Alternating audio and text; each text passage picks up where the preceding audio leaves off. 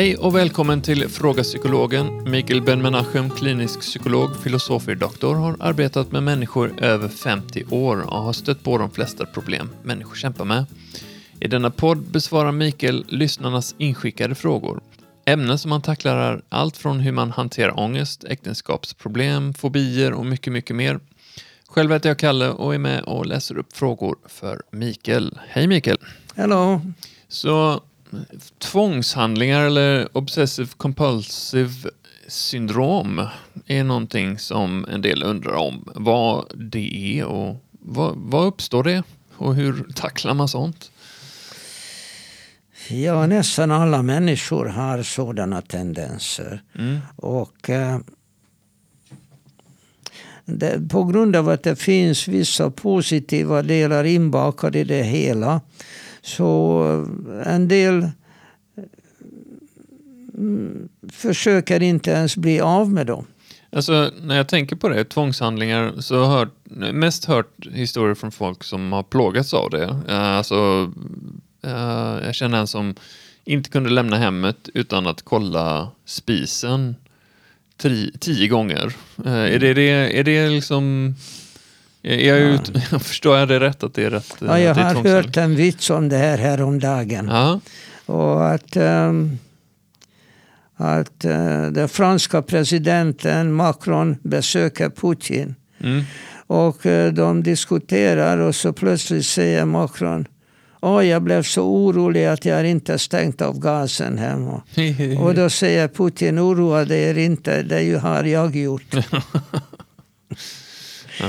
Ehm, och det är klart att eh, det är som du säger, det är en mycket vanlig eh, sådan eh, tvångstanke. Mm. Men det finns ju mängder, men det klassiska är det här handtvättningshistorien. ja. Och just nu i pandemitider där eh, man försökte göra allt så att inte bli infekterad så gjorde man sådana här eh, processer.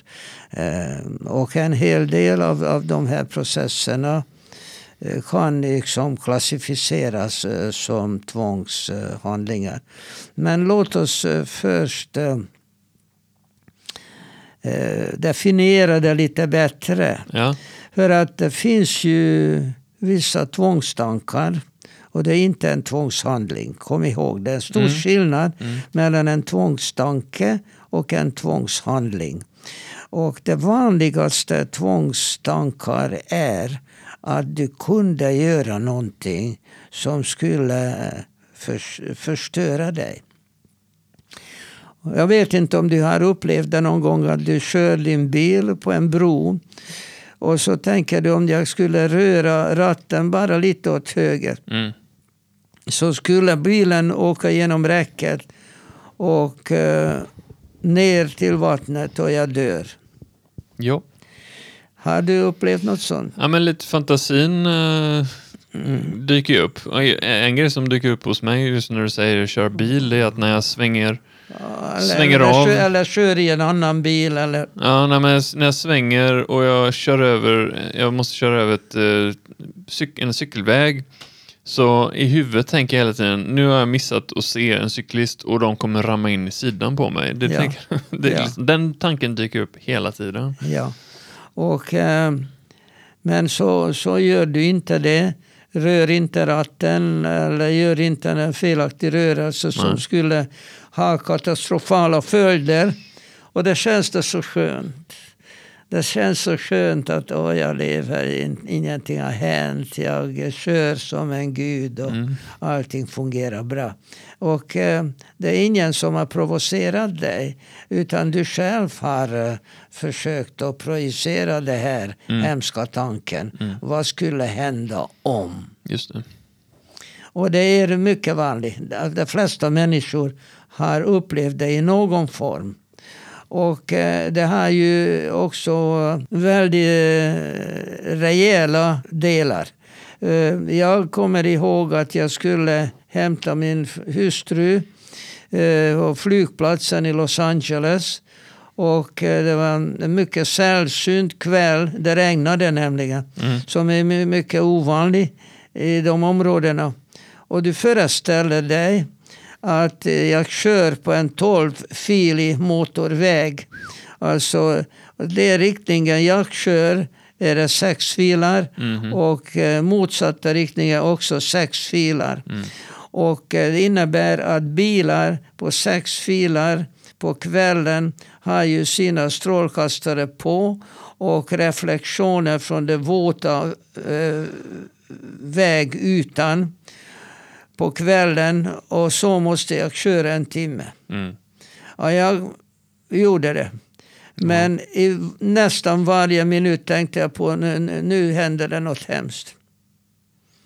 Jag har aldrig varit så rädd eh, på en väg eller när jag körde någon gång tidigare i mitt liv. Ja. Och det är klart att det kan bero på mitt eh, tillstånd. Kanske var jag trött, kanske är jag en dålig bilförare, kanske är jag för gammal och inte, inte är så koncentrerad på min uppgift. Du kan hitta många olika orsaker till det här. Ja. Men eh, i själva verket så det fanns ju riktiga fysiologiska orsaker till min rädsla. ja, visst. Som, Och det kunde ha hänt saker. Jag menar, ja, ja, du hör hela tiden att eh, ja, det är ju fardbegränsningar för att en olycka har hänt. Och då så tänker du, tack gode gud att det var inte jag. Men det här händer rätt ofta. Mm. Det händer rätt ofta. Eh, så att det är inte ovanligt.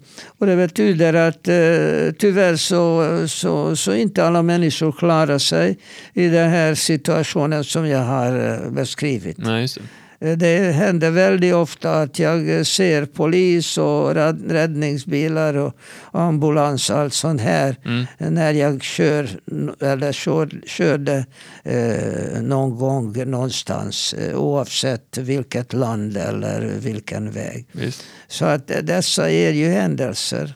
Dessa är ju riktiga händelser. Ja, ja, det är Så, befogat liksom, på många sätt. Ja, så de är inte egentligen är tvångstankar. Och ändå är det. Mm. För att du projicerar någonting som inte är aktuellt för din del. Men kunde bli. Mhm. Om, om, om du, du, du gör någonting eller missar någonting eller ser någonting. Mm. Mm. Så att eh, du ifrågasätter din förmåga att klara av den situationen. Och det kan ofta ha verkligen eh, riktiga följder. Jag kör inte bil längre för att jag ser så dåligt. Mm. Men jag har eh, goda vänner som är över 90 och kör och tycker att det är jätteroligt att köra. Och eh, jag anser, inte bara för att jag är avundsjuk, men eh, jag anser att deras reaktionsförmåga, syn och mycket annat är kanske inte 20-åringens. Och jag vet inte hur mycket de tar det med i beräkningen när de är så stolta att från Göteborg köra till Norge. Mm. Eh, Och, eh, och jag tänker hela tiden på att jag hoppas verkligen att inte något hemskt händer med dem. För att de är predestinerade för att, att något tråkigt ska hända. Mm. Men så länge man klarar sig hur bra som helst i olika trafiksituationer så tänker man inte på det. Men eh, jag har träffat på folk som är sådana fast eh, hela vardagen sådär. Och tänk ifall det går, det går fel och om vi missar bussen där och, och om vi inte får äta då. Du vet, liksom hela, hela deras attityd är sån att eh, eh, katastrof. Eh, de lever i liksom alla potentiella katastrofsituationer som de kan komma på. Ja. Jag menar, det är svårt att generalisera för att det finns så många olika människor. Men det här är alltså den första typen av två- tvångstankar. Ja. Där man liksom eh, projicerar fram en tänkbar eh, olycka. Mm. Som inte är aktuellt men kunde hända. Eh, sen finns ju andra typer som är mycket vanliga. Eh, nämligen att jag måste göra någonting. Som du sa, att jag måste kolla om jag har stängt av eh, spisen fem gånger. Och varför? Ofta så är det någon händelse som ligger bakom det. Mm. att, att det har hänt. Och det har hänt mig att jag flög från Göteborg till Budapest och skulle gå igenom passkontrollen och upptäcker att jag tog min dotters pass med mig. Nej då. och, och då kommer en officer Eh, gående och jag säger ursäkta, jag har ett problem. Och han var en lite skojig typ och sa problem? Nej, det finns inga problem här. Mm. Och jag visar honom.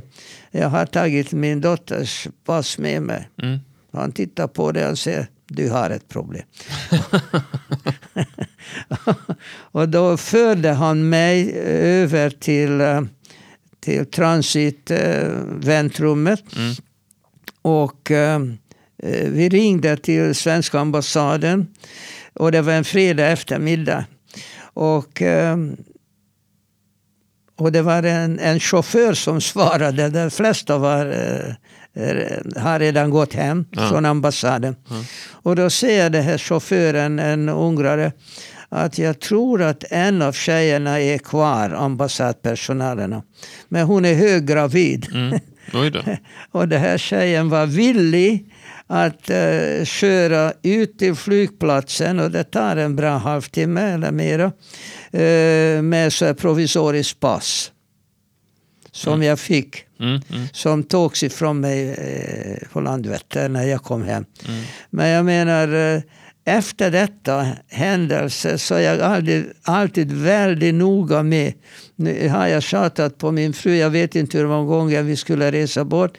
Jag har tjatat på henne hur många gånger, var är passen? Var, var ja. Och eh, alltid när vi lämnar huset, pass, nycklar och så vidare. Så allt som vi ska med oss. En annan sån här eh, rädsla som jag har det är att man måste ha separat eh, dokument när man ska till USA. Mm. Och eh, man, man, ska bara, man kan göra det via mm, internet. Mm. Att begära, det heter EFTA eller någonting. Eh, att man kanske kostar 10 dollar eller så. Mm. Och på grund av att min hustru är amerikanska så det är aldrig något problem för mig att få det här. Men man måste ha det. Och det har hänt att vi inte hade en som var giltig för att vi inte kollade när det gick ut, det sista. Ja. Och det var ett problem och vi har missat eh, eh, planet eh, i Frankfurt och en hel massa problem för mm. att de fick ju utfärda eh, ny sådan i en annan del av flygplatsen och under tiden missade vi eh, Eh, planet som vi skulle flyga vidare med. Nej. Eh, så att har man sådana här riktiga erfarenheter bakom då, då blir de här tvångshandlingarna att tänka 20 gånger på eh, har jag efterpappret, har jag passet med mig? Att, att jag upprepar det om och om igen. Nu de här vanligaste tvångshandlingar eh, det är till exempel eh, det här med att tvätta händerna. Mm. Och det hänger naturligtvis ihop med någonting med renlighet att göra. Eller eh, basilskräck. Mm. Och um, där har vi en, en liten skiljelinje mellan vissa typer av fobi, alltså en omotiverad rädsla. Eh, och um, också en släng av hypokondri. Mm. Där, alltså en, uh, att man föreställer sig uh, att man är sjuk. Och bakom det här hypokondri, man kunde skriva böcker om hypokondri. Uh, faktum är att hypokondriker, alltså inbillningssjuka, mm. det är det, det som ofta lever längst. Varför? För att en, en inbillningssjuk går till läkare eh, Eh, alltid när hon upptäcker någonting som hon anser vara eh, jättefarligt. Och eh, tio gånger av nio så är det ingenting. Jag känner en kvinna när ambulansen nästan parkerar framför deras hus. För att så snart hon känner det minsta lilla ringer efter ambulans. Hon eh, lever och levde ett långt liv. Mm. Eh, och lever fortfarande. och när hon var 50 så trodde hon att hon kan dö vilken dag som helst. Och jag känner många sådana. Och det här är i princip lite jobbigt, framförallt för ambulanspersonalen. Men, men det är en livsförsäkring. För att om det är nio gånger av tio är det ingenting, mm. så den tionde fångas. För att så duktiga som läkarna är idag, så de klarar av de flesta sjukdomar, inte allt, men de flesta, bara man kommer i tid. Och det, det här är ju ett stort problem. Hur vet man att man ska komma i tid? För att det kan vara en tvångshandling. Det finns sådana grejer. Jag menar i sådana länder som i USA där man eh, har visserligen försäkringar men en del eh, har inte hälsoförsäkringar för att det kostar pengar. Det är svårt att förklara i Sverige för att alla har hälsoförsäkringar. Men jag har arbetat i USA och jag frågade en eh, kollega vad har du för försäkring? Och då sa han, jag har ingen försäkring. Mm. Inte, varför inte? Jag är frisk, sa han. Tänkte inte en sekund på att han kan bli sjuk. För att de har en helt annan sjukdomsklimat där. Och det innebär att eh, skulle man råka eh, illa ut och få kanske en allvarlig sjukdom, behöver en operation och så vidare. Det kostar våldsamt mycket pengar. Jag menar en, en operation som handlade om en så här eh, när man skickar upp i hjärtat såna ringar. Ja, det kan gå på en 400 000-500 000 kronor i USA mm. idag. Och eh, om det handlar om en inte så välmående familj ekonomiskt, det är, det är nästan omöjligt att betala. Eh, och ändå eh, så gör de inte det. Så att eh, det är klart att det finns vissa situationer som eh, indicerar att, eh, att man kanske borde tänka på vissa saker och ändå inte gör det. Och eh, frågan är varför. Och det kan ju vara väldigt många olika orsaker. Det här var en orsak, att man tycker jag mår så bra så varför ska jag ha hälso, hälsoförsäkring? Och, och tvärtom. Eh, att, att man alltid tror att, att man har någon sjukdom och inte är det. Men just när det gäller eh, renlighet. Renlighet det är en sån här grej som inte går hem hos folk. Att eh, jag till och med fick tabletter här om eh, månaden. De kallas för goda bakterier. Mm att, att folk är så rädda för bakterier att de inte förstår att, att vi kan inte leva utan bakterier. Nej, verkligen. Och inte virus heller. Nej. Eh, så att eh, när till exempel polio kom till Sverige och till USA Eh, kanske var det början av 50-talet, strax efter vår, eh, andra världskriget. Ja, det här polioviruset det var ju hur vanligt som helst i Indien. Och där bland alla andra eh, hemska sjukdomar så hade inte polion en chans. Men när det kom till sådana sterila och renliga länder som USA och Sverige så blev polio en mycket allvarlig sjukdom. Så att eh, det här med renlighet och eh, tvätta händerna det har ju både religiösa och historiska grunder. Och då är gränsen väldigt nära. Att om man säger att du ska tvätta händerna när du kommer in eh, till huset. Du ska tvätta händerna när du var på toa. Du ska tvätta händerna innan du äter. Du ska tvätta händerna och så vidare. Och så vidare. Och eh, det här är inbyggt i flera religioner. Eh, och historiskt sett så, så vi till och med ser ner folk som inte gör det. För att vi anser att det, det borde vara en självklarhet att man håller sig rent. Men de som har upplevt andra världskriget och inte hade en chans att tvätta sig under långa tider. Det är klart att det kunde gå illa och de fick ju bladlöss och inte andra objudna gäster. Men eh, man upptäckte det också att ofta så dör man inte av, av det att man inte tvättar händerna tio gånger dagligen. Och då är vi väldigt nära gränsen att, eh, att börja tvätta händerna i onödan. Mm. För att eh, det här med att man ska vara renlig kanske sitter för djupt. Kanske mamma har tjatat för mycket på har du tvättat händerna? Och så vidare. Och, och det blir en vana av det här. Och, eh, och man kan utan att tänka en sekund på det så börjar eh, eh, tvätta händerna alldeles för, för mycket. Och som du säger att eh, eh, man kanske glömmer att man har just gjort det och gör en gång till och en gång till. Och, och det blir en sorts eh, handling av det här. Och då, då, då har vi ett, ett tvångsproblem. Men eh, finns det speciella personligheter som, som ofta blir de här uh, mer tvångsmänniskorna, så att säga? Jag anser att uh, tvångshandlingar, ifall de inte är delar av en psykos, av en mycket allvarligare sjukdom, om man kan isolera dem och eh, då, då kan de behandlas mycket effektivt och snabbt med hjälp av beteendeterapi och kognitiv beteendeterapi. Och även om man kanske inte löser hela problemet, men bara en del av det. Eh, och där har vi väldigt snabba och bra metoder.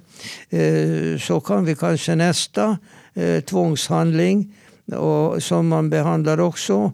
Och det är inte bara det att eh, om man kanske inte har löst eh, eh, roten mm. av problemet så har man ändå löst två, eller tre eller fyra.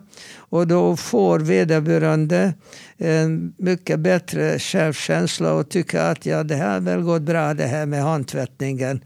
Eller det har ju gått bra med det här oron att jag inte stängde av spisen och så vidare. Mm. Så att eh, eh självkänslan ökar hela tiden vid varje eh, avklarat problem.